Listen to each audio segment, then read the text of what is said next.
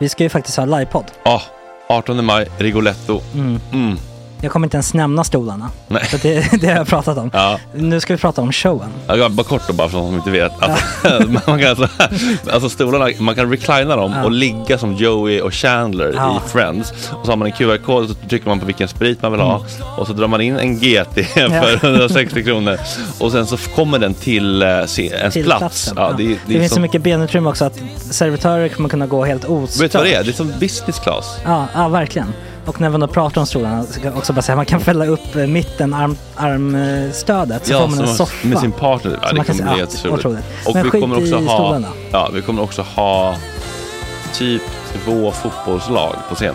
Ja, det kommer Alltså. vara, alltså det är svårt att rabbla upp alla i huvudet nu för det är Startelvan. så många. Ja. Men alltså Mattssons massaker, tänk dig den live. Mm. Jo, Jonas Dahlqvists frågelåda. Mm. Ekis, Lady Damer. Vi har Fanny Svärd, Marve. Tora, Tjejnytt gör comeback. Det är, ja, det är på en nivå av mycket folk. Ja, det kommer bli, ehm, det kommer bli något helt annat. Någonting man aldrig har sett på Nej. en scen tror jag. Vi kommer ha allt. Allt kommer finnas. Cirkus och Cirkus. Och det, det som är skönt med, med de där slutna rummen är också att man kan ju faktiskt ta upp saker som man ibland känner att det här kan man inte riktigt ha ute i etern. Nej. Men om Sanna Dollan har fått någon invit från någon gift känd man så kanske man kan lägga upp det på en bioduk. Ja, Alltså vi har tillgång Fotoförbud. till... Fotoförbud. Exakt, vi har faktiskt tillgång till bioduken. Mm. Alltså, gott snack upp på stora bioduken. Mm. Det är något nytt. Missa inte det här. Nej, det kommer bli otroligt kul. Biljetterna på filmstaden.se. Eh, ta med en god vän så tar vi Mm. med oss Johan Rabaeus. Exakt. och det kommer också vara, det, det är så mycket Förfest, det förfest i Ja. den här eh, Rigoletto-baren. Det kommer vara en hel dag. liksom. Det kommer vara en hel dag. Ja, och sen det är såklart alkohol, allting bara beställ in till platserna ni sitter på. Ni kommer liksom vara så bekväma, ni kommer ha kul. Är förfesten bara för Patreons eller? Ja, vi kan kika på det. Vi får kika på Ja, det. det kommer en hel dag i alla fall och så Det blir det någon slags efterfest också. Ja, gud ja. Mm. Vad är en Gott Snack eh, livepodd utan efterfest? Gud, det kommer bli så kul. Så länge sedan vi hade livepodd. Ja, det ska Längtar. bli skitkul. Ja, vi ses där hörni. Men, vart köper man biljetterna? Filmstaden.se. Ja, in och köp. Vi Sök på Gott Snack där bara. 18 maj. Puss, hej. Hej.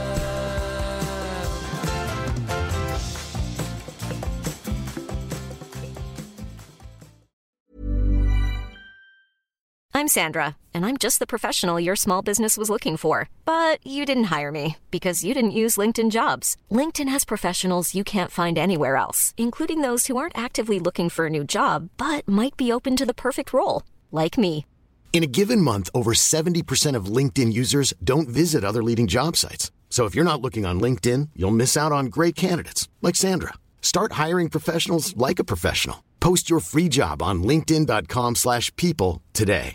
Mom deserves the best, and there's no better place to shop for Mother's Day than Whole Foods Market. They're your destination for unbeatable savings, from premium gifts to show-stopping flowers and irresistible desserts. Start by saving 33% with Prime on all body care and candles. Then get a 15-stem bunch of tulips for just $9.99 each with Prime. Round out Mom's menu with festive rosé, irresistible berry chantilly cake, and more special treats. Come celebrate Mother's Day at Whole Foods Market.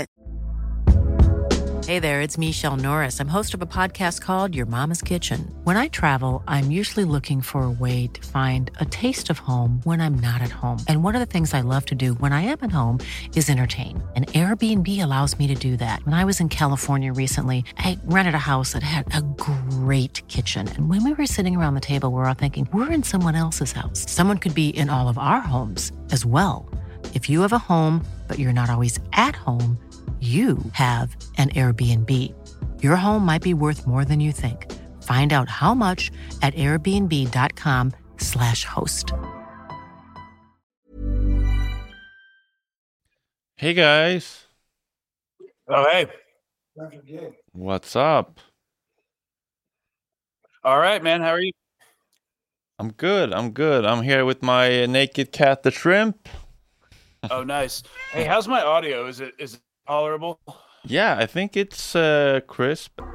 Uh, Okay. right now, I'm hearing a scary sound. Is it from my computer, or are you playing something? I'm not playing anything. No, I'm I'm- I'm plugged into headphones right now. Okay, I have a really scary sound and I don't know where it's coming from on my computer. The cat just ran over the uh, the keyboard and I don't know what she started. What the fuck? Uh, do, do you want me to log out and then log back in to see if it's me? Uh, well, you... I can't hear anything, so I guess it's Fredrik. It must be me, right? Yeah, yeah I, I, can, I can't hear anything. Man.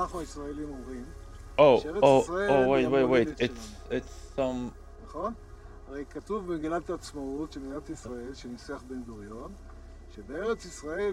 Oh, it was a, it was a, it was a YouTube documentary about the Israeli settlers.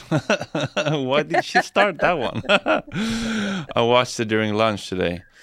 Uh, Greg, so nice to finally meet you. Yeah. Likewise, man. Sorry it took so long to get on here. Well, uh, we have a saying in Swedish. Den som väntar på något gott väntar aldrig för länge, which means uh, those who wait for something really nice and um, awesome, uh, they can never wait too long. Oh, okay. Gotcha. So uh, I found you. Uh, I don't know, Paula. When did you find out about Greg on Instagram? Oh, I, I'm not sure. Um, but I know I was the one that tipped you about Greg. Yeah. Um, I I think I just got something, uh, you know, for for you recommendation Yeah. uh, with Greg and uh, checked him out and thought the content was content was awesome. Yeah. Oh, well, thank you. Yeah. You really feel like um, uh, Paula. How do you say lucka i marknaden? Uh, Filling a gap. yeah, a gap in the market. Uh, your uh, your like um, point of view and your knowledge. I was like, ooh, this is really something new and awesome. Uh, it's Yeah, I, I mean, it's, it's true. There, there are not many uh, ex-military personnel speaking up for Palestine right now. I mean, there's a lot of guys who who want to, but I don't know. We're kind of like reclusive, the vets. Yeah. It says on your Instagram, So- activist, anti imperialist veteran.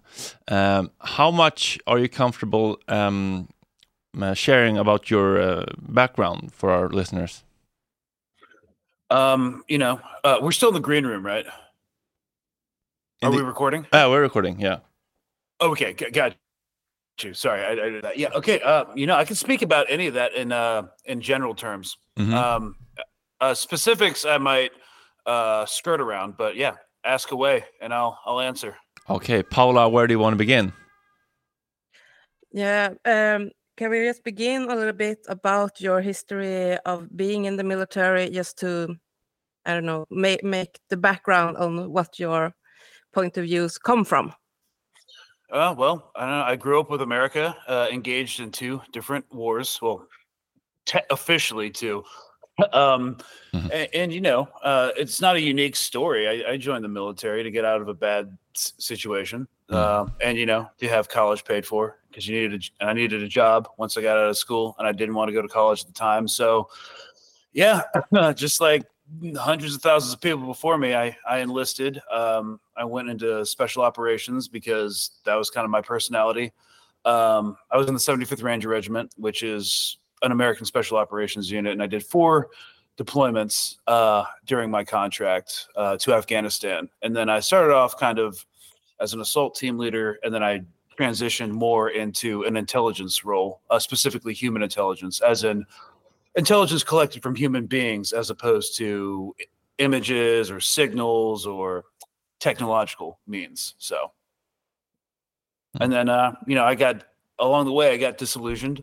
Uh, I started, it took me like 10 years to get from that point to where I am now. Uh, but I started to realize that, you know, in my opinion, the Afghan war wasn't uh, a conflict that was being waged in a way that would ever be won. It was just like endless defense contracts for bases, and I'm completely convinced that um, we, when we pulled out of uh, Afghanistan, uh, it was because the imperialist cycle was complete and we were done in that region.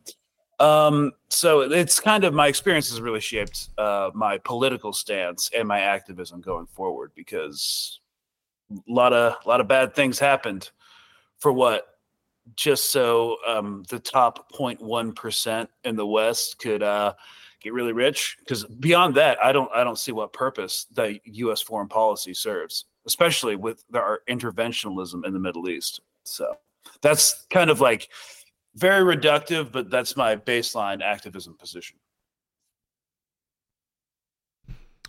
What Yes. what what what, ki- what kind of experience or s- what made you uh, transform uh, your views and opinions and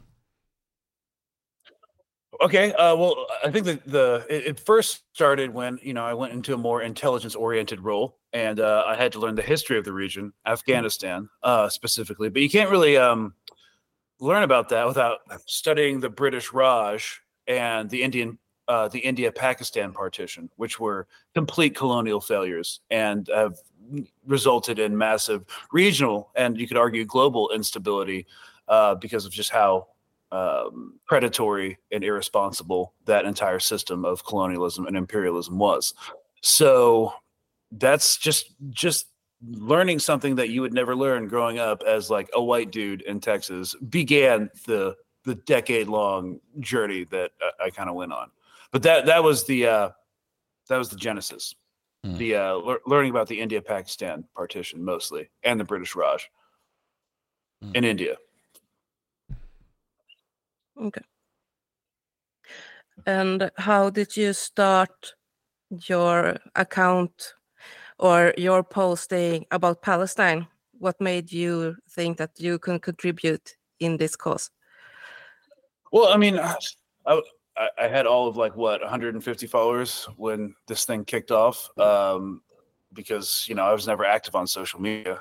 Um, but then I, I started about day five, like October, the second, like the third week of October. I don't know, the third week of October, maybe.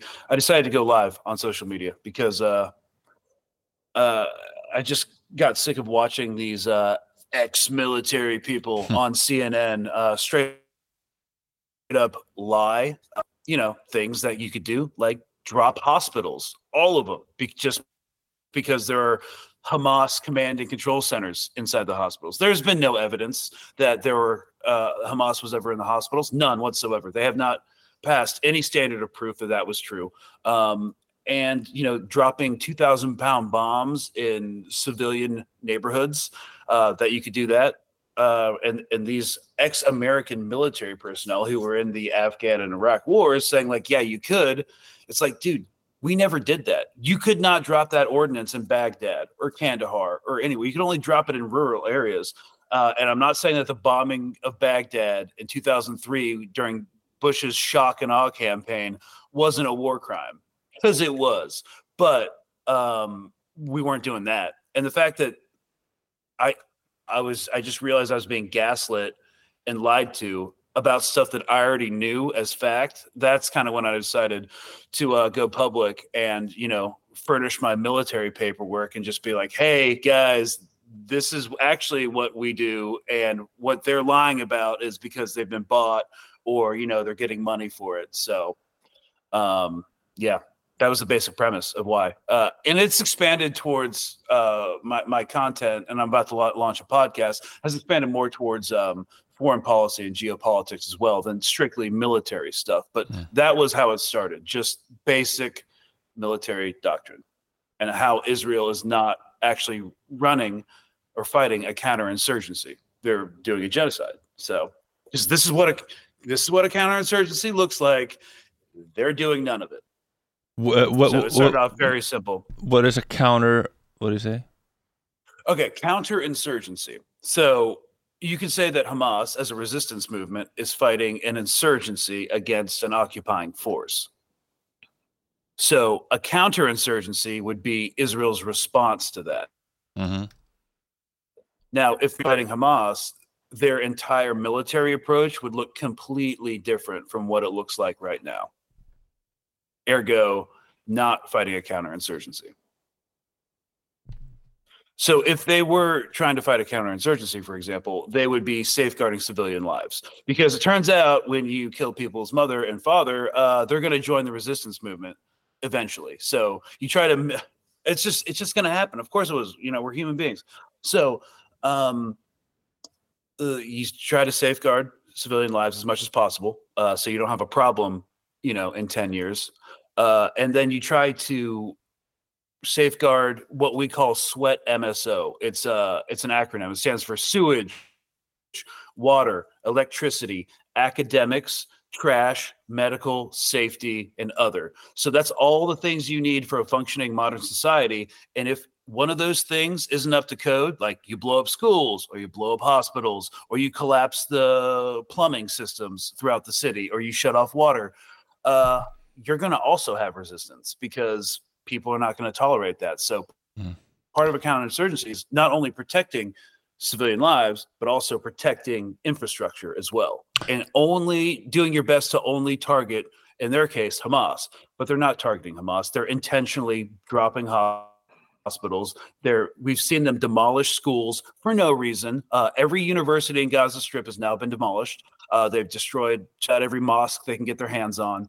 Um, yeah, they've, they've cut off water. They're not letting aid into the Gaza Strip. So yeah, they're not fighting a counterinsurgency. And I'm just going to explain for those who are, uh, I had never I had never heard the the the, um, the word insurgency. It says an active revolt or uprising uh, on uh, Google.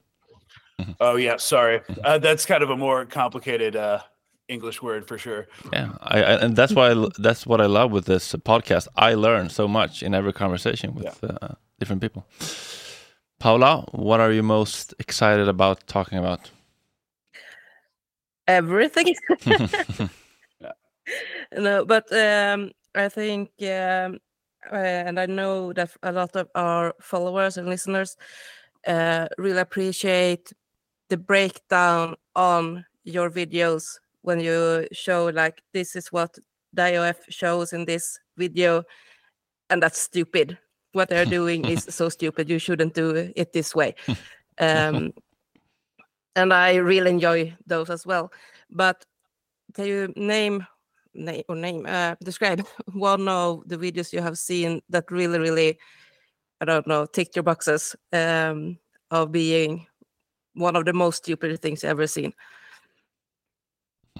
I mean, it's hard to choose at this point. They're also um, they're also not showing a lot of combat footage or like com- I mean, it's not really combat footage. I'm putting air quotes in there because they're not actually fighting anybody. They're just shooting into rubble and pretending like they're fighting. Mhm. Um, it's just propaganda uh, that they you know send back home to impress their like friends and family, but they also post online, which is how we which is how we come into possession of the that that footage.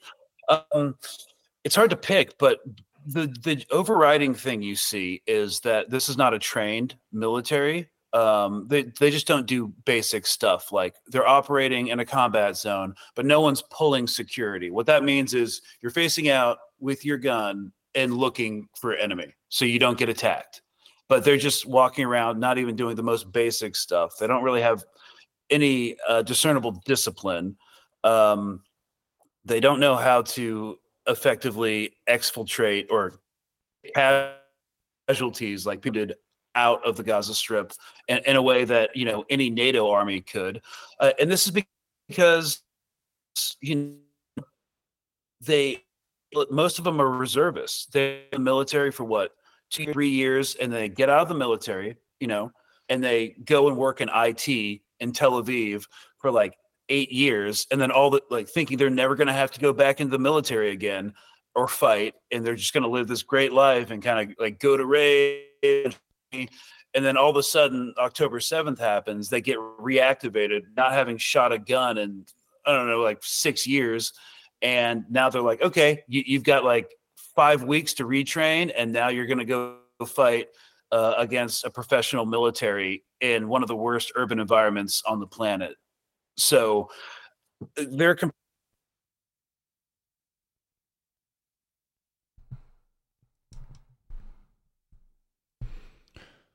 Whoopsies. Yeah, I think some of the the things I've seen is like um, I was in the civil force in Sweden um, because I trained a dog for the Air Force.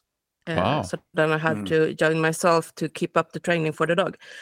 Um, and uh, uh, some of the things I've seen is like, wow, even I know not to do this stuff. uh, like the the video where there's a military girl standing in front of a tank shooting. And it's like, yeah. You shouldn't even have to be teach this or be uh, like in a long time in the military to know not to stand in front of a tank that's going to shoot. Yeah. Don't stand in front of intensely pow- powerful kinetic explosions. should be should be comic common sense, right? yeah. um, yeah, but something we have to to dive into is the photos and videos from the 7th of October when they had taken the pictures of Be'eri and also at the Nova Festival and, and stuff like that. Um, and I don't know, but for me, the damage done to the cars, to the houses, and so on doesn't really fit with what I know of what Hamas had for kind of weapons. What do you have to say about that? Yeah, I mean, if you look at uh, the videos from them breaking out of Gaza, or, or and like the paragliders flying over the uh, apartheid wall um, into uh, the occupied territories outside of the strip, uh, yeah, they had AK-47s and they had RPGs, uh, but only a few rockets, and those were for like tanks and vehicles. You know, they wouldn't waste it on civilian cars uh, because you know they were saving the freaking rockets for the IDF because obviously. Um, so AK 47s cannot burn people to death in a car. Um, that most likely, I mean, uh, Haaretz, the Israeli newspaper, uh, released an investigation that was immediately taken down. Um, but it, you know, it's the internet; things are eternal. People keep receipts saying that you know they uh, uh, IDF Apache helicopters may have just been firing on everybody at the festival. So, like, you see, you've seen an entire lot of cars just absolutely burnt out and destroyed, right? We've seen those videos. Mhm. Well, uh, yeah, uh, small arms, assault rifles can't do that. But you know what can? Uh, a 40 millimeter rocket shot from an attack helicopter that explodes, uh, lights the fuel tank of the car on fire, and burns everybody alive inside. That's something. That's that's a lot more likely than uh, you know, an assault rifle doing that. Yeah. Friendly, Uh, friendly fire. uh, unfriendly fire because you know uh, this goes back to um, uh, the Hannibal doctrine, right? Um, it, it, it the policy of uh, not allowing any Israeli citizen or soldier to be taken captive because you know they do not negotiate with terrorists, and also it turns out they're too incompetent to rescue hostages anyway. So just why not why not kill them? and uh, the Hannibal Directive was officially uh, put out of use or rescinded in 2016. But you know, like we're getting the sense that uh, a lot of stuff that's happening in the IDF is like unspoken policy. It's just like an understanding. This is what we do. We don't put it in writing. Uh, you know, Mm. uh, other other regimes that uh, commit heinous acts also don't put that in writing. There's like, you know, so this it's not something we're ever really going to see, but uh, the Nova Festival is a good example of how directive or doctrine um, has been played out in real time on October 7th. and and that um, that says if you have to by any means kidnapping must be stopped by all means even at the price of striking and harming our own forces and by forces it also means civilian hostage or Um, that's it doesn't specifically say that, but um, you know, when uh, the tanks came in uh, to the kibbutzes uh, where the Hamas fighters were, and there were families inside there, um, they were shooting at houses with tank shells that didn't have Hamas. Um, they were just blowing up entire buildings that didn't have any fighters in that, and we know that now because they're starting to cop to it. They're running. They're very publicly. Yesterday, they started putting out an entire series of articles how they're doing investigations into friendly fire incidences on October 7th. And it's stuff we've known from the start. Like, again, AK 47 assault rifles cannot blow up entire houses.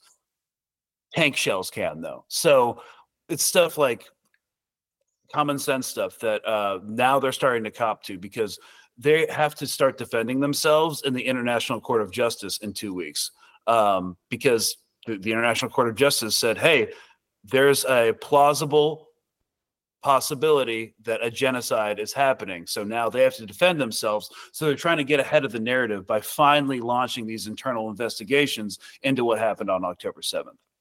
It's all very transparent, but um, I think they're kind of concerned about this court case in the International Court of Justice. Yeah. Yeah, uh, I think so too. And it goes, I think it shows also in how Netanyahu, for example, like two days before um, the court hearings, go out and say that he wants to be really, really clear that Israel only has a war with Hamas. They are in no way or shape or form targeting the civilians. They are only targeting Hamas and so on. Um, but we can see very, very easily that that's not true. Yeah. Um, as someone who spent the most formative years of my life in the military, there is no military function to withhold food, water, and medical supplies from a civilian population. There's no way around that. Um, they're they're trying to conduct a medieval siege. They've destroyed plumbing, sewer, water, and they're hoping disease and starvation takes them all. Because here's the thing about a genocide: uh, you it's almost impossible to affect or accomplish with conventional weapons. You'll never be able to shoot two million people. First, because it's expensive. Second, because the Nazis tried it in Poland and all of their troops started going insane, committing suicide and drinking themselves to death uh, because the psychological repercussions are unimaginable. Uh, so, what do you do? You do forced marches like the uh, uh, American frontiersmen did with the Native Americans, like marching them across the American continent with no food or water until they just died off. Uh, or you know you have like concentration camps you have like forced labor camps which we're seeing in the congo where the people just work until they die. Uh, yeah but it's not conventional weapons. Most most of it's achieved through starvation and biological warfare such as letting everybody just die off of disease. So um, that's what we're seeing. Yeah it's it's not about hamas it's that's what they're doing. That's why they're withholding aid. That's why they've made the state policy of an intentionally targeting and bombing hospitals. It's all to effectuate this one goal which is to level gaza ethnically cleanse it and then occupy it and then settle it and turn it into the next dubai. Yeah, Yeah. I listened today to a podcast that I normally like, but um, this weekend I had some beef with Fredrik, so I just had to listen into it more in full. But uh, the one guy that really, really, really, really, really hated on Fredrik, um, he also has some kind of major beef uh, for people saying that this is a genocide, because it's like the ICJ hasn't ruled on this yet. We can't say that this is a genocide before they come with a ruling in like two years or three years, because we have to wait until it's over. Everything's Great, over before we great. can say it's a genocide. yeah great so like the holocaust wasn't apparently a genocide until they said it was in the nuremberg trials after world war ii Uh, it's just, right like we can only Yeah. call it a genocide so like we can't prevent it. We can't do anything to prevent it until it's already accomplished. That's that's uh, just some crappy logic that's been around since the start of october. Um, i don't really engage with it anymore because it's just a logical fallacy. It makes no sense.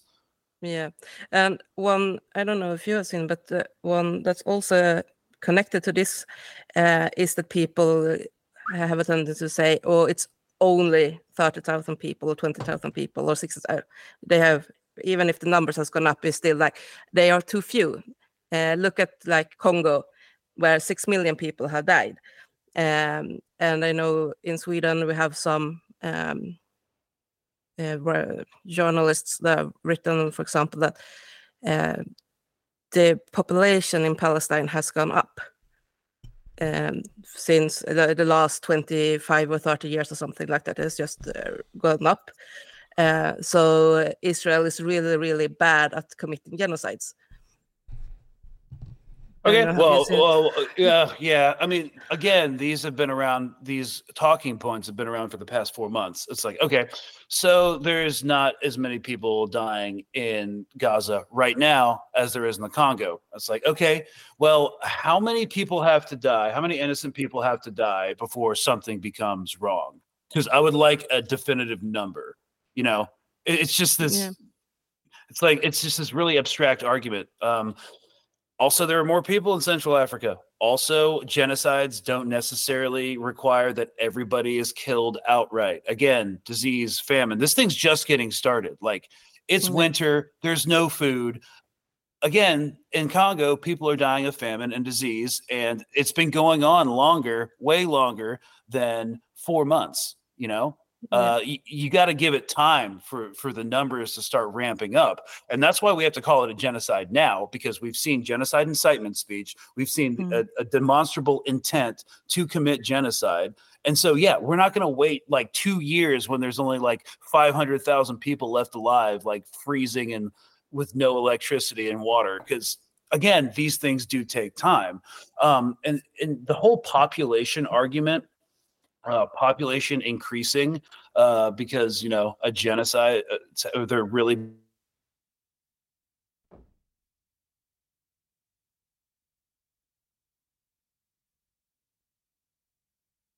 uh, because you know it's just like if they were committing a gen you know we get it. Uh, the basic the bottom line is think about it like this. Um so genocide is uh, forced act is an action against a particular group with the intention of killing them or removing them. It's a lot of genocide is intent as well. Yep. and the thing is they cannot before october 7th they didn't have a reasonable justification to kill palestinians the way they've been killing them because you know a lot of what israel does a lot of their standing in the world is based on propaganda they're the most moral army in the world. They're under threat of Arab of like they want to, all the Arabs want to kill them. Um, so yeah, they can't effectuate it the way they want it to. But what you can look at is the entire history and be like, okay, uh, in the mid 21st, uh, in the mid 20, uh, 19th century, there was a Nakba. They were all forcibly relo- dislocated. A hundred thousand people died. Like, um, there were they left the country in a diaspora and ever since then they've been forced into smaller and smaller and smaller areas. All right that's ethnic cleansing which is part of a genocide. So just because palestinians have higher birth rates than israeli settlers doesn't mean that a genocide isn't happening.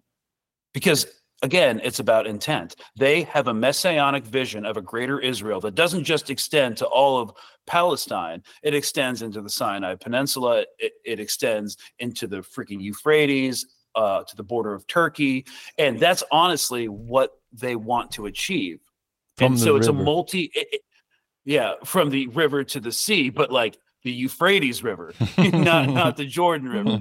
Um and, and it's always been this multi-generational plan. It's always been very patient uh until now.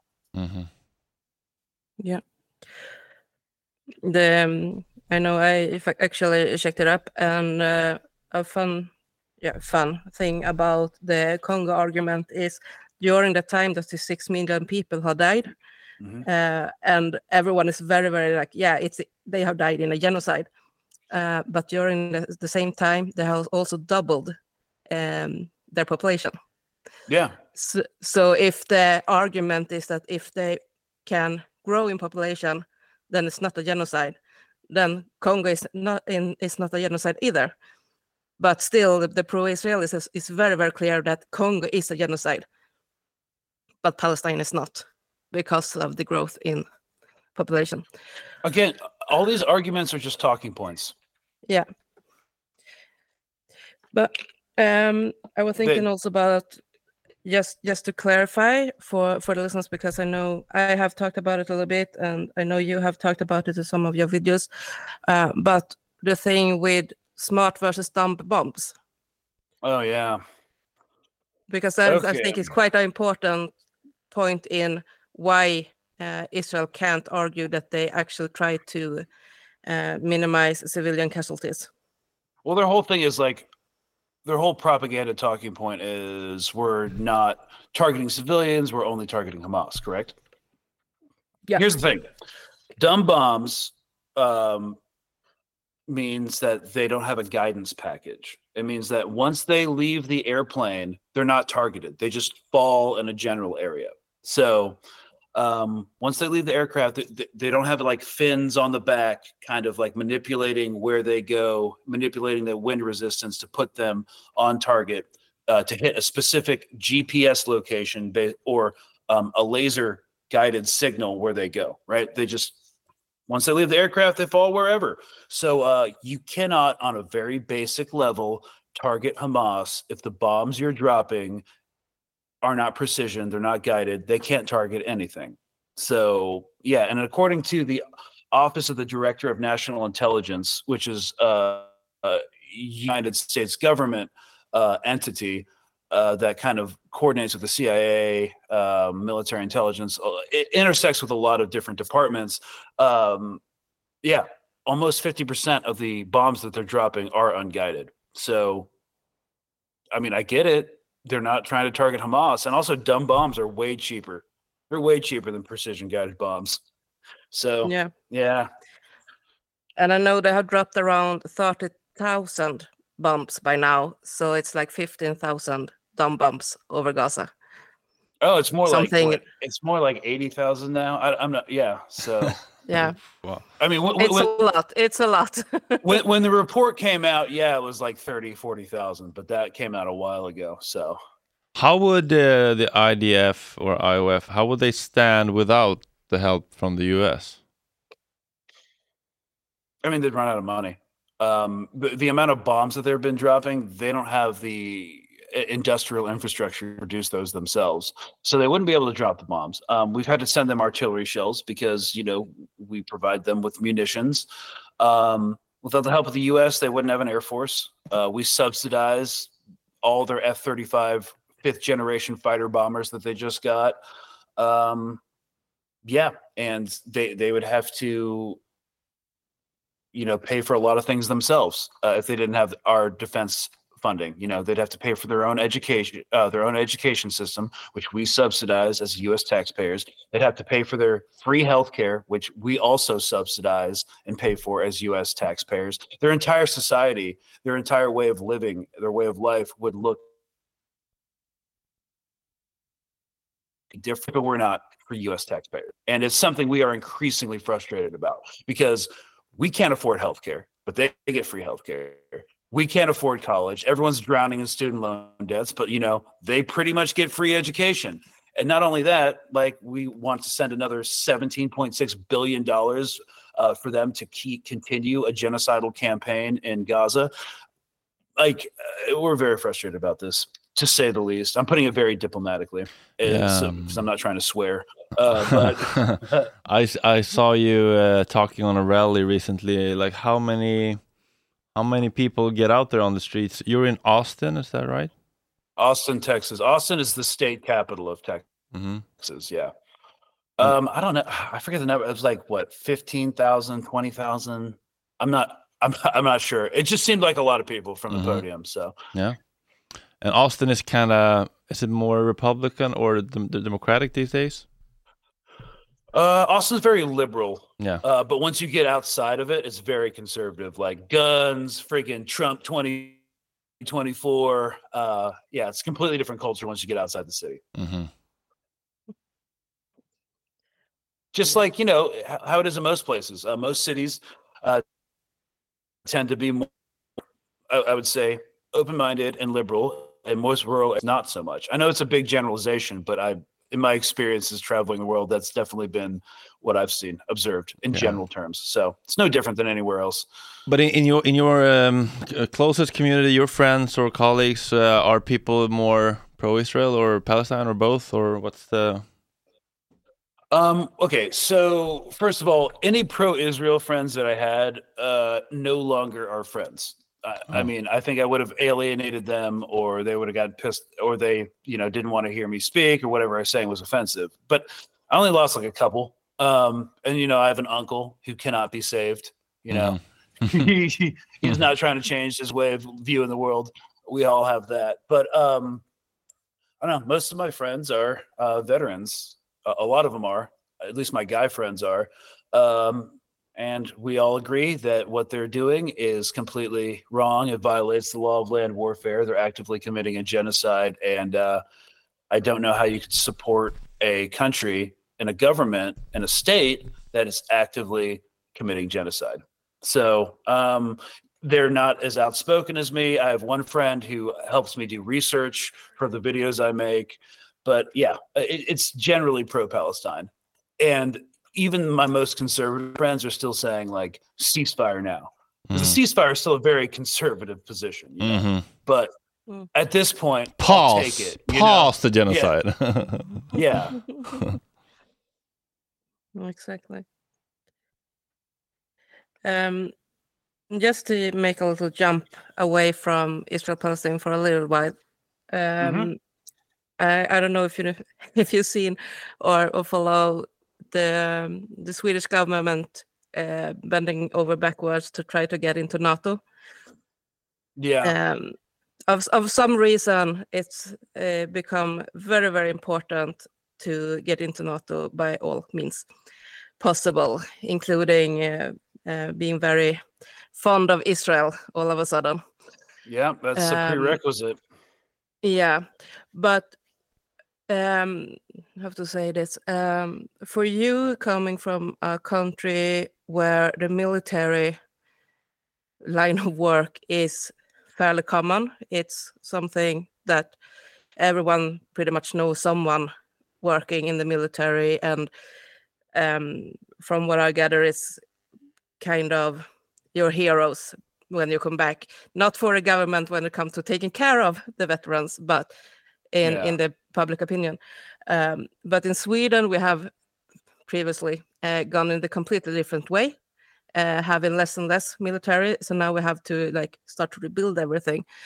And um, my personal point of view is that the today's Swedes seem to don't, don't not really understand what war actually is about. Um, it's like um, our prime minister he said that if you are a citizen of sweden you should be prepared to take up arms to defend sweden or you shouldn't be a citizen.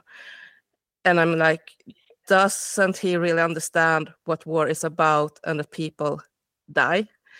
So what's your thought about about it all? And uh, i guess you're not really pro war so to say no, you you could argue that I'm anti-war. Uh, here, the bottom line is politicians do not care about soldiers.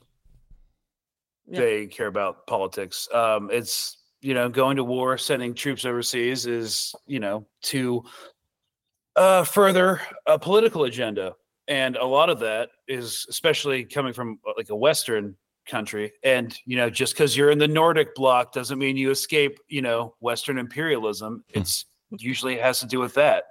Uh, you guys also do have a defense industrial complex like Saab. They they ship weapons all over the planet. Mm. Like like the Israeli Defense Force, I keep seeing their AT4s, their recoilless ri- rifle launchers. Uh, that those are Saab. Mm-hmm. You know, Sweden sells plenty of weapons to Israel. Um, but yeah, I mean, and I'm sure Saab and other defense contractors from Sweden, because you do have a pretty significant defense industrial complex, lobbies these politicians as well.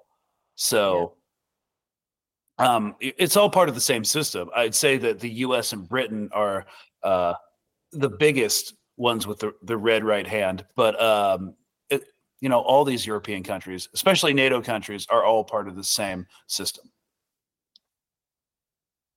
So when we talk about politicians, you know, saying like oh, we all need to, you know, fight for our country, it's like yeah, that's always going to be a thing. Uh, as long as nation states exist, you have to have a military for practical purposes, for self defense, which is real. You also need it to have for diplomatic reasons, so you know that you can back up your policies.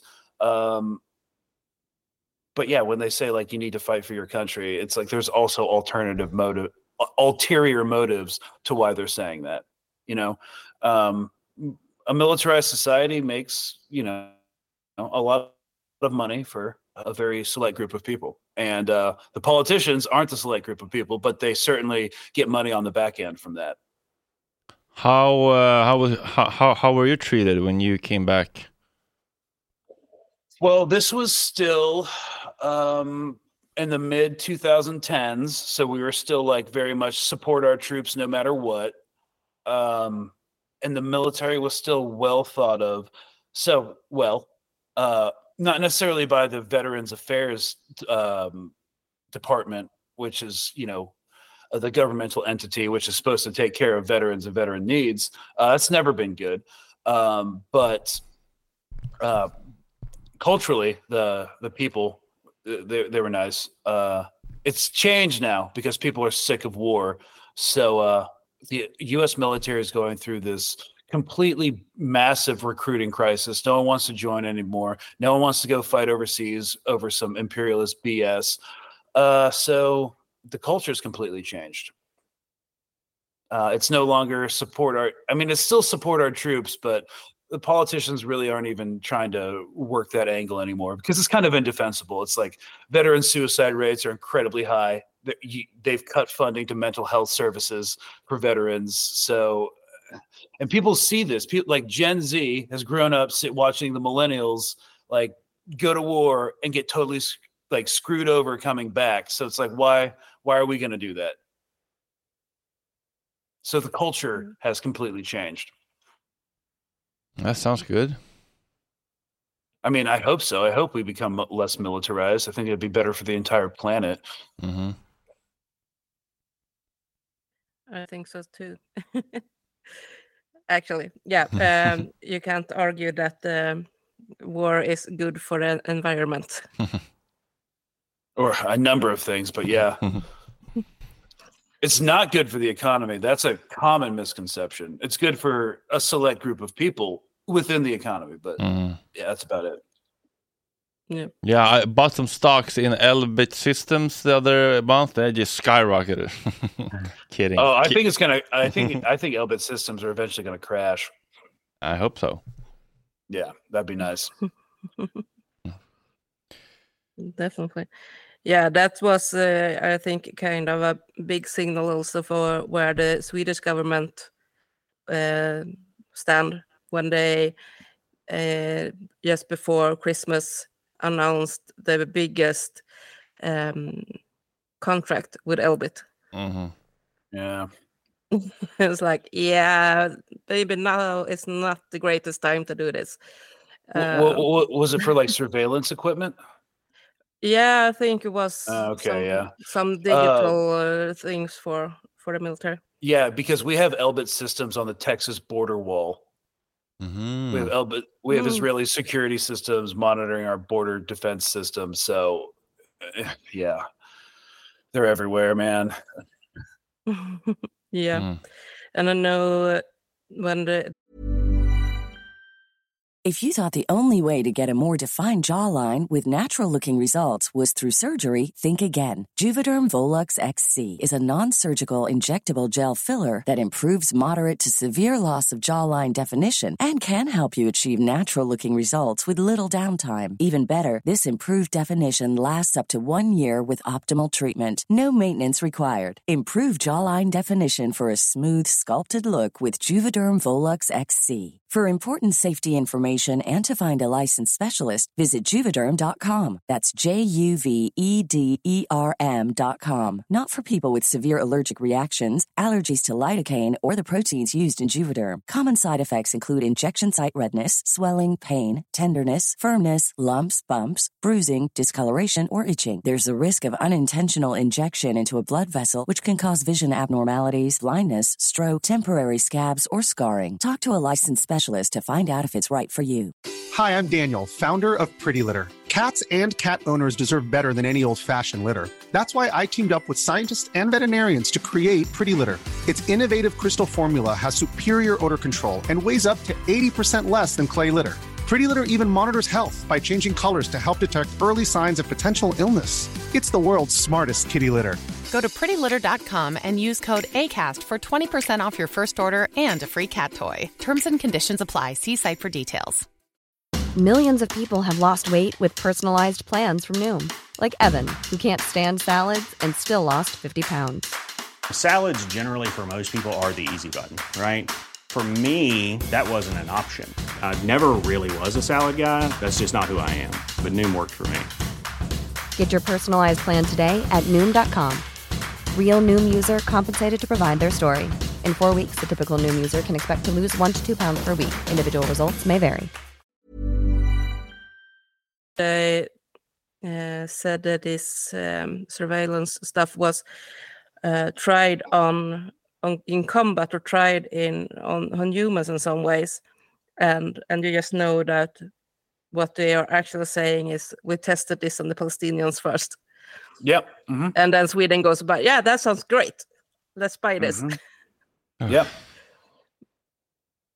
So yeah, everyone is is connected in some kind of dirty, Yeah. dirty political. I have uh, actually stopped uh, stopped consuming uh, because I was getting complex PTSD. So I'm gonna ask you guys, how is the war war going right now? Um, I think uh, Israel is rushing towards a strategic defeat. I think every analyst who's not part of the mainstream media that has any sort of military or an analytical ex- uh, experience or formal training agrees on that. Um, according to a report released by the CIA, they think that only 20% of Hamas's fighting capabilities have been degraded over the past four months. So they can keep going for a long time. Um, whereas Israel is doing a mass, massive force reduction. They're taking units out of Gaza. They're releasing reservists from service. Um, they're basically, I don't know. They're kind of they're kind of winding down uh, because there's a lot of the economic repercussions alone of this war are not sustainable for Israel. First of all, they just think about it. They they activated almost 300,000 reservists um, after October 7th. So they took 300,000 people out of the workforce. All right. Well, now that they're out of the workforce, that's affecting, you know, your economy. Now you have to pay them. You have to take government funds to pay them their military wages. Then you have Hezbollah in southern Lebanon launching rockets uh, at military targets around uh, civilian settlements, like occupational settlements. So we you have about eighty thousand Israeli settlers displaced, refu- internally displaced refugees within Israel. So that's another eighty thousand people out of the workforce. Well, now the government has to pay to house them. Uh, they're doing it in hotels, which isn't cheap because they still have to pay the hotels.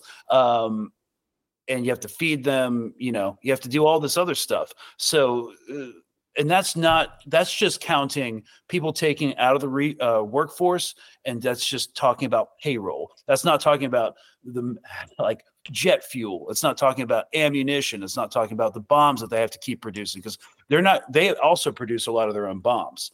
Um yeah war is hugely expensive and uh Israel's what the size of the U- U.S. state New Jersey. It's tiny, uh, and they do have a big G- GDP. Uh, well, they do have a significant tech sector, which is incredibly lucrative, and you know there's other factors, but their economy, simply put, is not big enough to absorb a protracted war of attrition, and that's why they need funding from us. So it's it's not militarily sustainable because you know they don't have a trained and equipped and disciplined fighting force that can uh, you know, defeat Hamas on the battlefield. Because guess what? They have the option to go home. They can go back to America. They can go back to England. They can go back to their plush life in Tel Aviv. But Hamas has nowhere to go. They're like, okay, we're either going to win or we're going to die. I've grown. I spent my entire life growing up in a concentration camp. Like, who do you think is going to fight harder? You know, th- they have no options. They they can't escape. Um, and economically, they can't win and politically they can't win because it's very clear to most of the world and most of the world's government agrees that this is a genocide and what happens? You become a pariah state. Eventually you know other governments start start boycotting uh, your contracts. Like for example uh, japan it looks like they're going to start boycotting elbit systems entirety. One of their biggest manufacturers says we're not we're no longer going to work with Elbit systems. So that's just the beginning of pariah statehood, where nobody wants your products, nobody wants to trade with you, and you become isolated and you implode. And it, that process is starting. So uh, I don't see how they recover. Uh, nobody I've talked to who also does analysis sees how they come back from this. It's like kind of the beginning of the end. So Mhm. like 20 years, uh, who knows? Um, the former chief of staff to Colin Powell, uh, when he was uh, Secretary of Defense, says Israel won't be a state in 20 years. Um, it'll be something else. It doesn't mean like uh, the Jewish people are going to go anywhere, um, but it, it might not be called Israel and it might be a completely different government. But that's where a lot of the conversations are trending right now because what's happening is so ruinous. They've uh, experienced and are experiencing a strategic defeat from which they won't recover. And that's the general consensus. That you don't Yeah, you- um, you don't hear that on CNN that much. Well, you're not you're, you're not going to because they're owned by uh, uh they're largely controlled by Zionist special interests who are atheists but believe in a messianic vision of a greater Israel. So they're going to keep propping that narrative for a while. And there there's actually been a lot of internal memos um, and complaints by CNN about the censorship and about what stories they're able to tell. So there is some internal backlash within these news organizations. They're not like a monolith that's all on board with what's happening, but they are controlled by special interests, which is where the censorship comes from. But yeah, you won't hear it on CNN. Not yet, at least.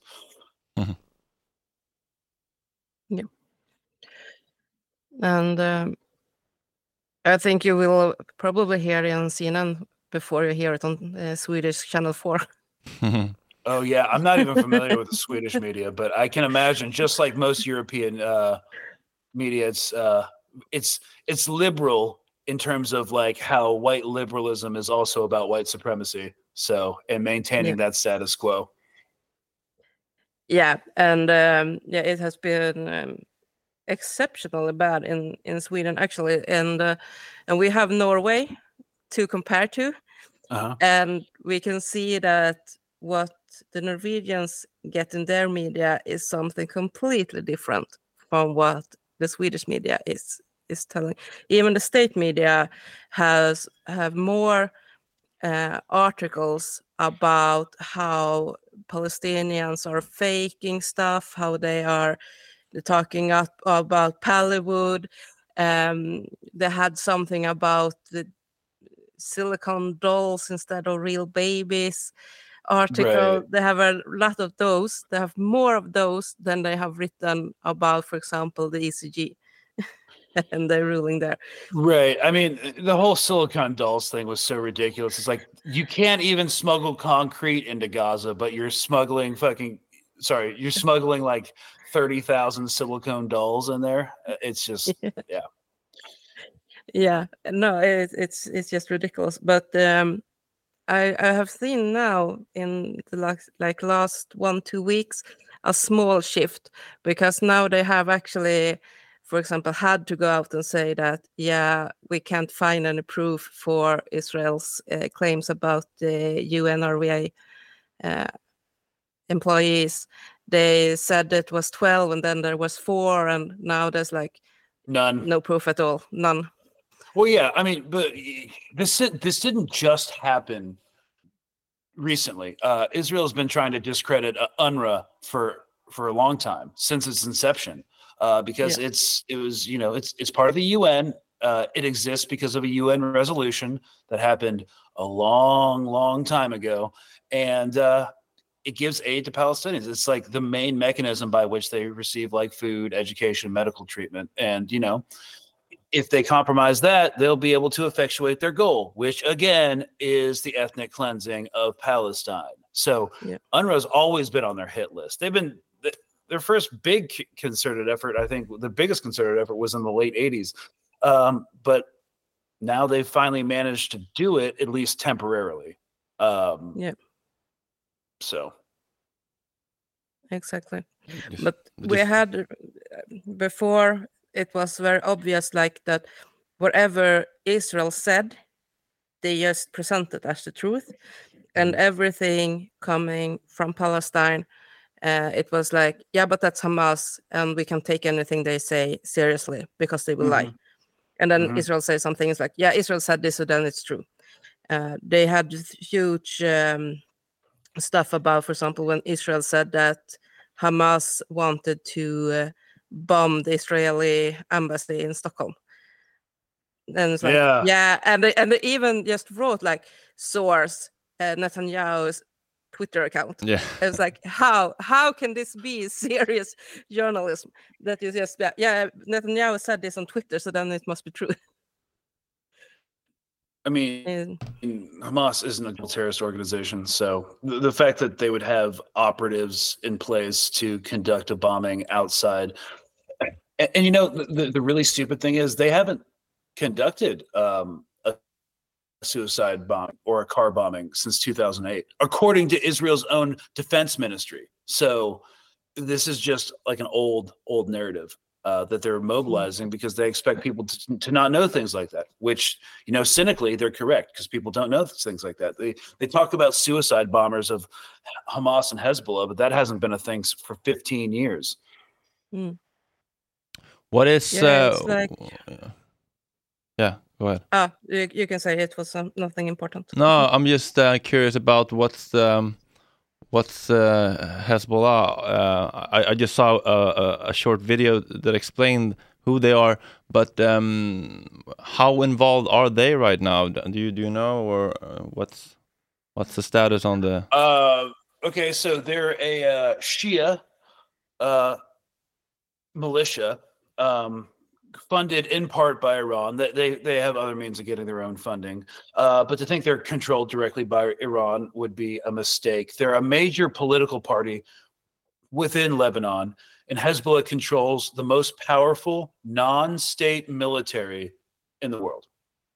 Um, so one of their main tenets is uh, to challenge what they would call the Zionist state um, and to fight for Palestinian liberation. How Uh, much? How much? Lebanese, How much bigger and more powerful are they compared to Hamas, uh, for example? like 10x 10 times easy uh, they've already defeated the idf in the field in 2006 because israel invaded seven, uh, southern lebanon in 2006 uh, they were defeated by hezbollah uh, and they withdrew and then there was a bunch of propaganda in the western media saying that you know israel was being merciful and so they withdrew from southern lebanon and gave the land back uh, but that was a complete lie. And the the first time I was exposed to that lie when I was w- was when I was in the U.S. military and I got a security clearance. I was like, okay, yeah, none of that happened. They were. Everyone agrees they were defeated by Hezbollah. So um, Hezbollah is to put thirty thousand fighters on tomorrow against combat veterans uh, because they've been fighting against the Islamic State in Syria for you know years and years and years now.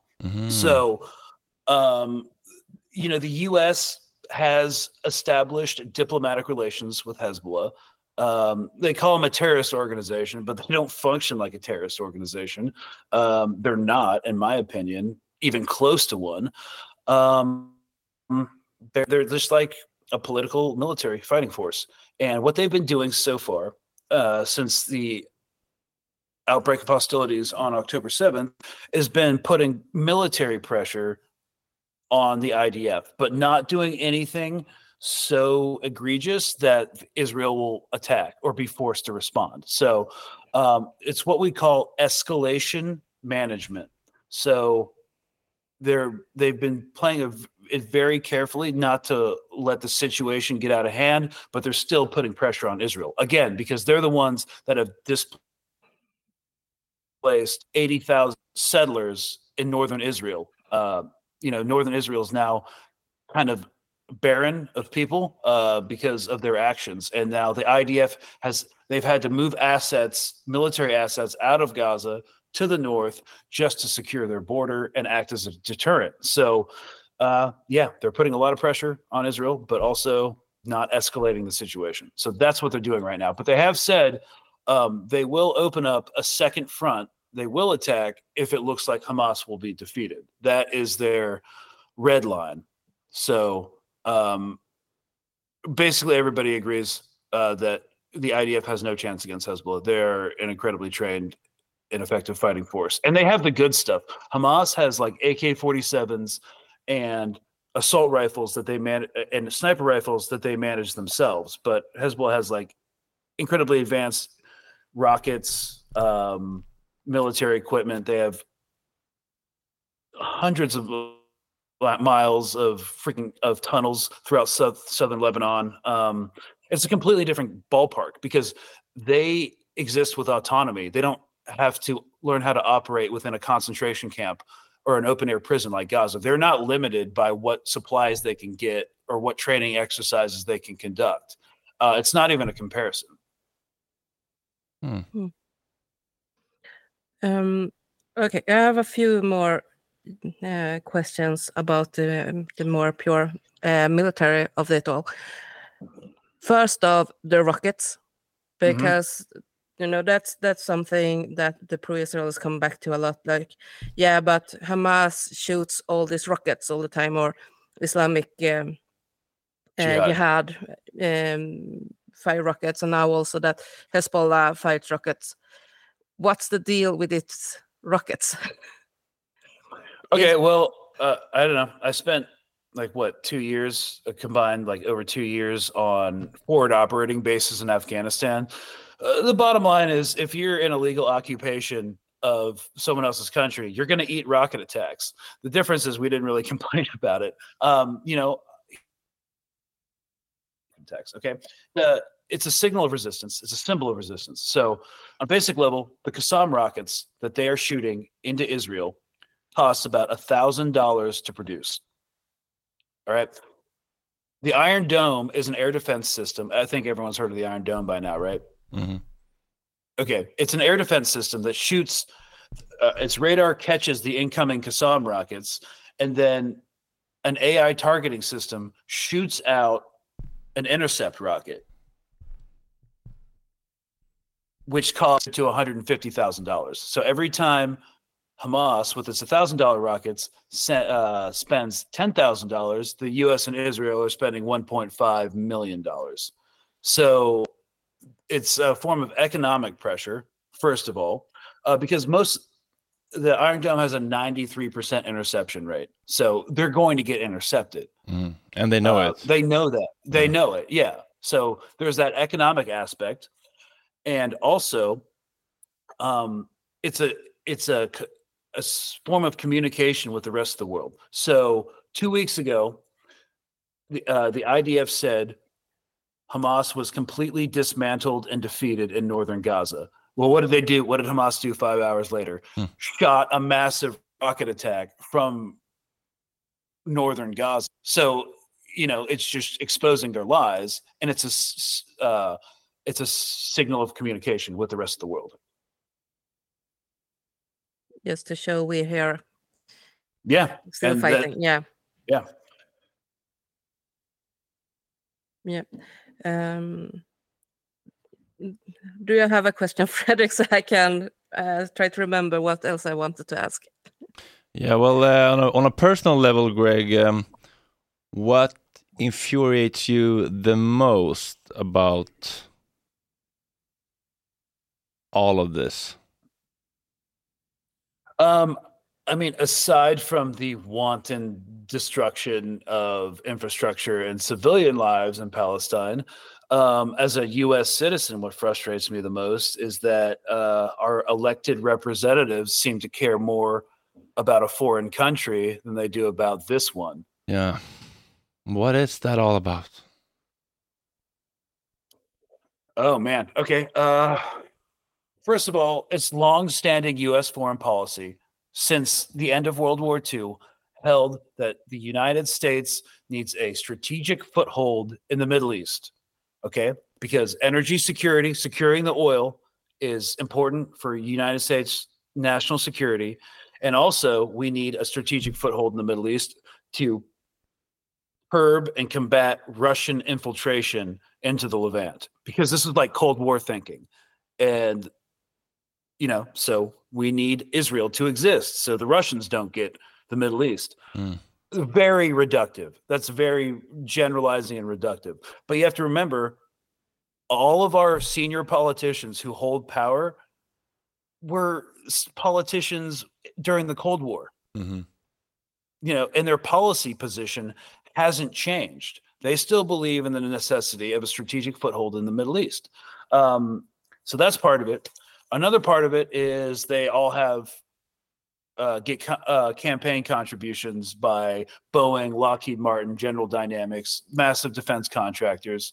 You know, who have a vested interest in having bases, United States bases in the Middle East. Also, there's something called AIPAC, uh, which is um, I'm sure you've heard of by now. Yeah. Uh, it's a uh, Zionist special interest lobby that um, basically contributes to uh, the campaigns of United States politicians, congressmen, senators, presidents, and uh, and if you don't accept their campaign contribution, they're going to fund your opponent so that you lose. The whole system is so enmeshed and toxic, if I may say. it's incredibly mentioned that um, y- you a lot of people who don't live in the United States still follow United States news because obviously um, you, you, there's a big difference between Democrats and Republicans when it comes to domestic policy, right?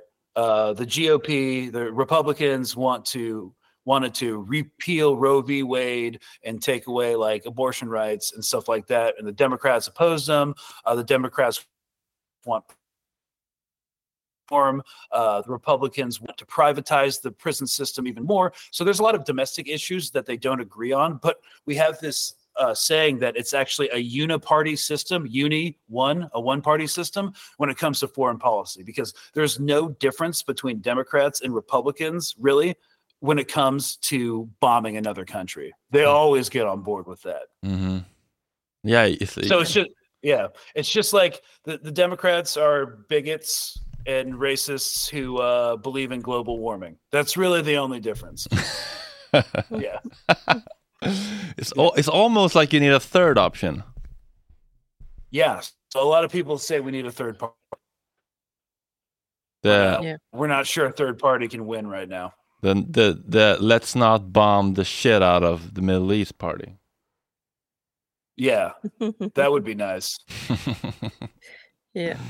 Okay, I remember one of my last questions I I had, and uh, I was wondering your theory about what the deal is with uh, the IDF and their seemingly obsession of getting Palestinian men naked and photographed, or just naked in general.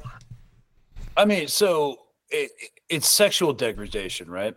Um, it, it's just it's just about reinforcing power dynamics. We have the power to take everything from you, including your dignity, um, and that makes us feel strong, right, and unified. So it, it's about degrading them and making them seem less human, um, because you know animals don't wear clothing.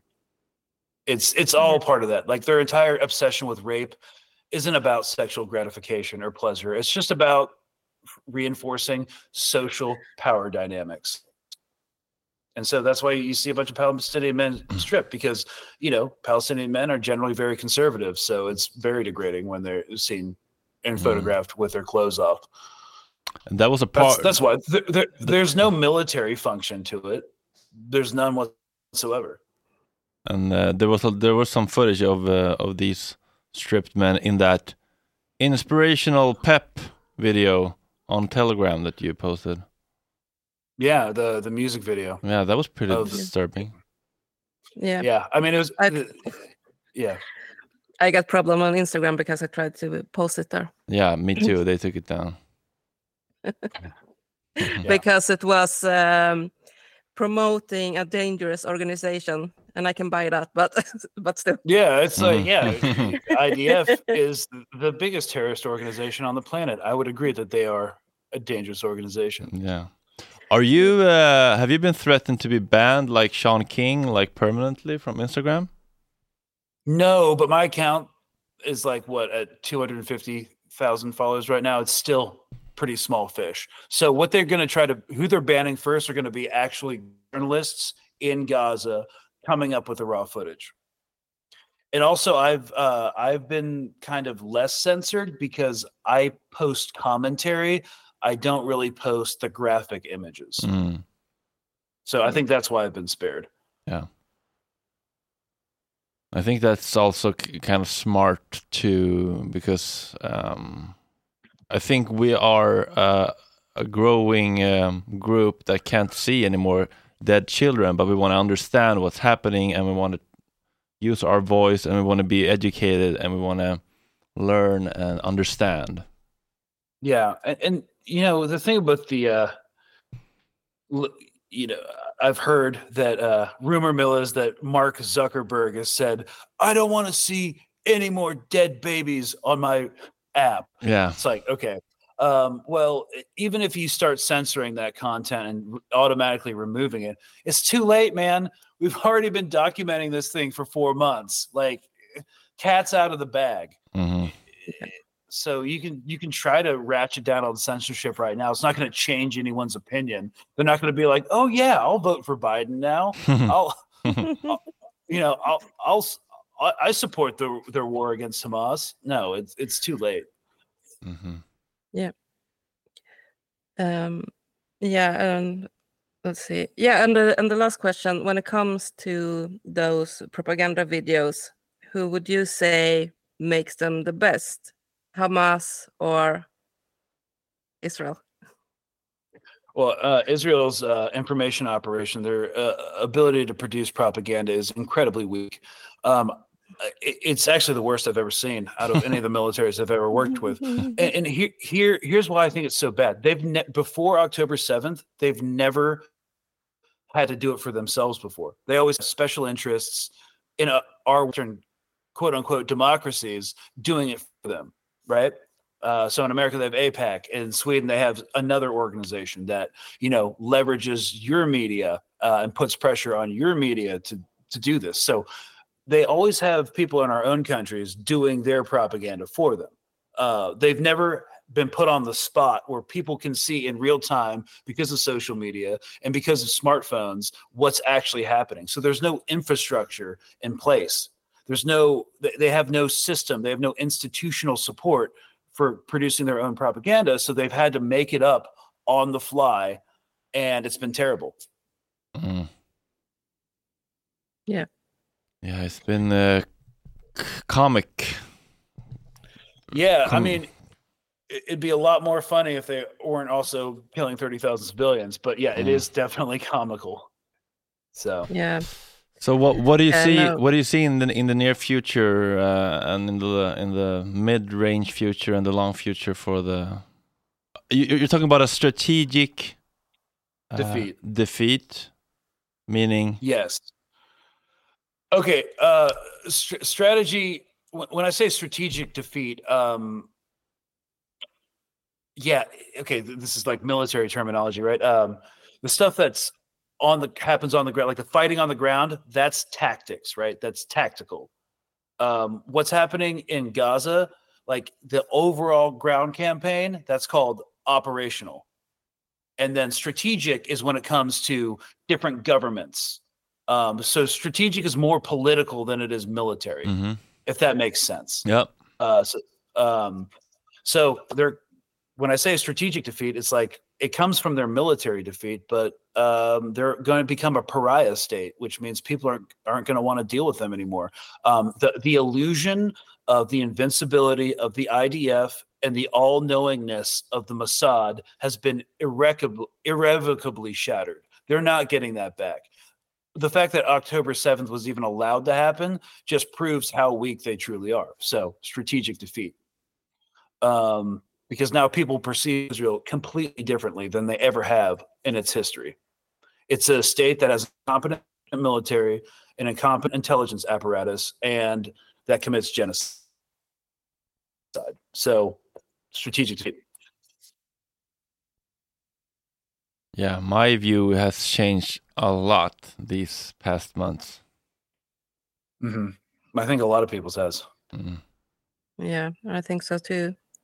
and especially when it comes to the view on on the government and on the media that a lot of people are thinking that yeah of course it will be a little bit skewed uh, from our point of views but in in the whole it's good and it's objective and we can we can trust the media and now when they see what's actually happening in gaza and everything that the media isn't reporting on uh, a lot of people have uh, lost a lot of trust in the media Yeah. i think yeah. um, especially like as someone who was raised like with liberal values or taught like you trust the media because journalists have ethics and you know and I was just like Yeah. okay you're you're slaves to advertisers and uh special interests it seems. Uh and that's I mean I, I kind of already knew that but I didn't know it was this bad before October 7th I did not know it was this bad. And it's always been like this. It's been like this throughout the Cold War. Like yeah. And that's crazy to think about Yeah, Paula, do you do you remember how um, Palestine, Israel uh, used to be depicted in Swedish media back in like in the war in 09 and 2014 before my awakening? I, I didn't really pay, pay attention back then. I was doing cocaine and partying. Yeah, it's always been uh, pro-Israel Oh, in the? Swedish media, Mhm. Mhm. but this is like bad in a whole new level Mhm. than it's been before. But I know, like the media and and the public opinion has somewhere been like, yeah, but every war, every aggression against Gaza is always believed to be in response to something Hamas has done.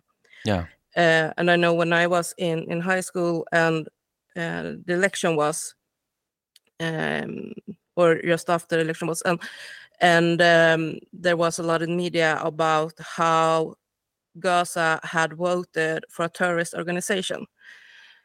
That was the whole view, and it was a lot of talk about in in Swedish media about how we needed to stop all support to Palestine because they had elected a terrorist organization. Um, and and in the same time they had to um, to also write that yeah everyone objectively watching said that it was a democratic election. There wasn't any foul play in the election. They won fair and square. Uh, but still, it was like we need to stop supporting Palestinians. We can't send any more um, money, no more food, nothing because they elected Hamas. We cannot accept their choice.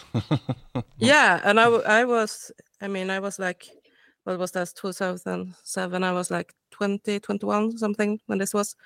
So right after high school. And, and it was like, um, I, I had so much problem to understand how we could say that democratic elections are so important, but then say that it doesn't count if they elect something we don't like. Mm-hmm. I mean, that's always been the, the Western way, right? You know, just if you don't like a democracy in South America or Africa, just find a fascist dictator and re- do a coup, replace them, because uh, our interests in, as Westerners come first. We're we're more important. So that's Yeah. uh that's just Europe. That's just North American and European imperialism for you. Exactly. And I know I got some kind of awakening also cre- uh, when America tried to do the coup on Hugo Chavez in Venezuela, because that was also very downplayed in Swedish media. And they tried to say that Hugo Chavez was a dictator and and this was uh, the people that wanted him uh, gone. hmm And then I watched news actually from uh, neighboring countries that show, you know, thousands of people in the street wanting Hugo Chavez back. And it's like, how can this be what the people want when it's the people on the out in the streets uh, wanting him back? I will say though, uh, I have a lot of Venezuelan friends who uh, call them Chavistas uh, and absolutely despise Hugo Chavez uh, as a dictator. So I don't think Yeah, he lost it after Uh, that well- because that was before, Yeah. and then he got rein- Right. reinstated, and it went a few more years, and then he lost it and started. He took away that he Yeah. he could uh, stay for as long as he's wanted as a president and so on. So he lost it. Wh- wh- when it unjust when but I will say when it comes to unjustified coups perpetrated by the Central Intelligence and the Mossad, there are much better examples than Chavez. So yeah, Uh, definitely. But um, yeah, and and I think it's so obvious now, since somehow how Yeah. media really support what's in our interest and uh, hide what we they don't want us to know. And I know we have, of some reason in Sweden, uh, connections with Iran um, which also was visible in the Swedish media when the Iran revolution started. Because we had the same problem that whatever the leaders of Iran said, the media printed as the truth. So if the Iran leader said, no, we're not going to hang anyone that's in this revolution, they just printed it and like, okay, the see the Iranian leaders say they won't hang anyone, so they don't hang people. And uh, like Amnesty going out and say, but but we know that they are executing people by hanging them. We know that this is happening. How can you say in the media that it's not happening just because the Iranian leaders say it? And so when you start to see it in one place, you see it in the next and the next and the next. Mm. Okay, last question from me. Mm-hmm. Um, that I think you probably have gotten a lot, but what was Israel supposed to do after the seventh of October? Mm, I mean, I think I think I think any any reasonable person would expect a military response, you know? Um but not a genocide response. Um I expected it to be bad. Like I expected them to just really let it rip, bombing. I, I didn't. No one expected it to be this bad. And I was talking to my like Syrian American friend about this uh, two days ago, and she's like, "Yeah, you know, it's the first time I bought uh, a pack of cigarettes in like five years because I knew it was going to be bad. We had no idea it was going to be this bad. Um, we we didn't expect whatever military response because, like, I don't know, I don't." I don't have access to like whatever they have to go off of, in, as in, insofar as intelligence. I don't understand um, how the Israeli military is organized. I don't really understand their capabilities because they keep that actually really locked down. Um, less so than the U.S. military. The U.S. military is very open about how we organize ourselves and stuff like that. But uh, it's so it's, it was hard to make an assessment what they would do. But I expected some form of counterinsurgency operation where they'd go in, they'd occupy Gaza, and they'd do a cordon and search online from north to south and try to find the tunnels and you know try to eliminate Hamas while protecting civilian infrastructure and trying their best to mitigate civilian casualties. Uh, they've been opposite of that. So, yeah, speaking in the most general terms, uh, they they did completely the opposite of what a reasonable person would have expected them to do. Uh, that being said, I, I still had no idea it would be this bad.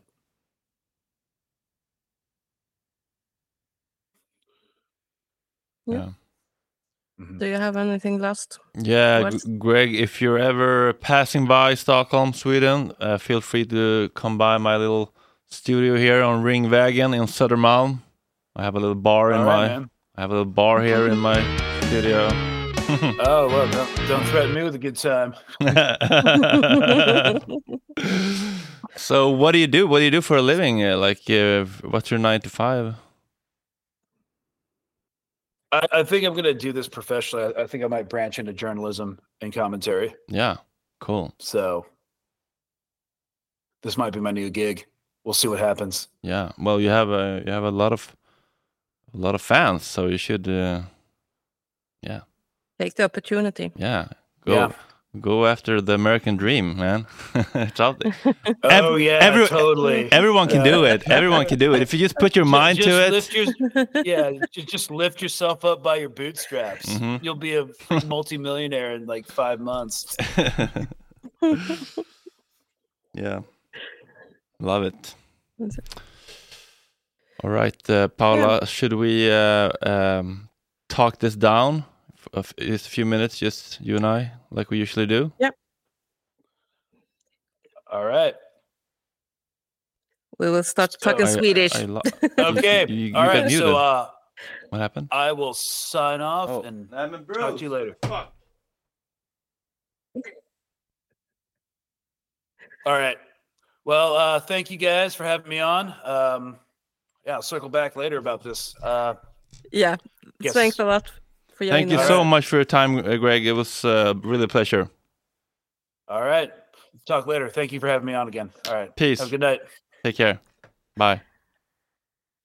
Förlåt, Bruce eh, mutade lite kanaler på mixerbordet. Han tycker ni ska gå hem nu. Ja, det verkar så. Bruce, vill du gå hem? Är det det? Åh, det är en riktigt sur blick nu. Det är en riktigt sur blick. Trötta glosögon. Stora. Bruce, vill du gå hem nu? Ja, du är så sur nu. Och räkan vill bara få barn. Hon, hon löper och han är kastrerad. Det är kaosigt. Stackarna. Ah. Jaha, vad tyckte du om det här då? Ja, nej, men jag tyckte det här varit eh, bra och det är Mm. spännande med eh, de här eh, infallsvinklarna kring, kring det rent militära. Mm. Liksom. Även om jag har lite erfarenhet från hemvärnet så är det ju någonting helt annat än Mm. att faktiskt ha jobbat i det militära på det sättet som han har gjort. Mm. Ja, det är kul. Det är kul med någon som är så insatt och, och kunnig och har egen erfarenhet och bara kan eh, lägga ut texten om Hezbollah. Liksom. Så Till exempel den grejen, för det Mm. har man ju själv absolut noll koll på skulle jag säga. Ja, nej, jag, jag bara kollade på en video när jag satt och käkade lunch häromdagen, en 20 minuters explainer och bara shit, det här är också spännande att förstå. Vilka är de liksom? Är de också en terrororganisation eller? Ja, om man frågar västvärlden så är de ju det eftersom de gör saker som västvärlden inte tycker om. Ja, precis. Så kan man väl säga. Ja, jättemysigt eh, var det. Vad, eh, nu vet jag inte om vi har något mer bokat i pipen, men eh, mer blir det. Jo då, Ja. jag, håller, jag håller på. Mm. Jag håller på. Eh, nu har jag inte fått något svar på om det blir i nästa vecka. Kanske, vi märker. Mm. Ja, men vi köttar på i alla fall. Om man vill eh, stötta oss så kan man ju lägga in en symbolisk slant på Patreon snedstreck Palestina under lupp. Det är några fina, lojala eh, människor där som eh, skickar in en femtelapp typ i, eh, i månaden och det är ju Ja, man får ju inte så mycket extra, men det här är väl mer en sån podd, tänker jag, som är viktig att så många som möjligt nås av och man stöttar den för att man tycker att det är en bra grej. Håller du med om det? Mm. Definitivt. Jättebra, tack för ikväll. Mm. Vi hörs Eh, tack tillsammans. Och hoppas du mår okej efter helgens märkligheter. Vad var det då? Ja, jag, jag såg att eh, Haversen hade taggat dig. Så Jaha, ja just det, ja, precis. Ja, nej jag har inte kollat, ja jag vet inte, han, var, han, han ville ju komma in och skämma ut mig och jag sa att jag tycker det var en otrevlig ton, jag avstår och sen så ja, blev han väl kränkt av det och gjorde någon rant. Ja, det kan man säga. Jag, jag lyssnade in, eh, eftersom jag är Patreon till den podden, Mhm. så lyssnade in lite grann på hans rant och sen fick jag lov att stänga av för jag var jävligt irriterad. Jag kände bara jag kan inte sitta här och vara irriterad för jag kommer ändå inte orka skriva till honom om allting jag tycker han säger fel. Nej men det låter väl som ett klokt ehm, sätt att ehm, sk- skydda sig själv på något vis. Ja, äh, men eh, det går ju alltid att lyssna på senaste avsnittet sen när det kommer ut eller någonting för då pratar de lite grann om det Mm. i början. För eh, Henko, den andra snubben i den podden, Mm. håller väl inte riktigt med. Nej. låt säga, om, om, om Axels synvinklar. Så att det, det var intressant att lyssna på det en halvtimme av att de bara käbblar med varandra. Mm. Kul. Okej, så så gott. Vi ses och hörs snart. Kram, kram. Hej. Hej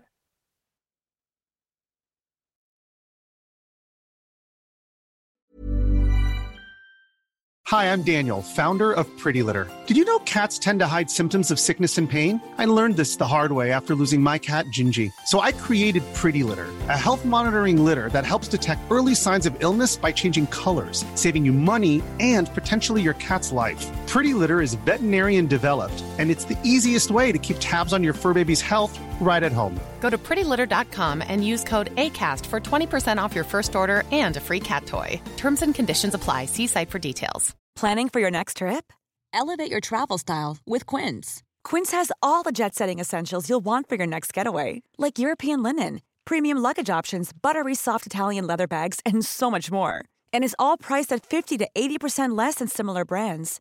Plus, Quince only works with factories that use safe and ethical manufacturing practices. Pack your bags with high-quality essentials you'll be wearing for vacations to come with Quince. Go to quince.com/pack for free shipping and 365-day returns.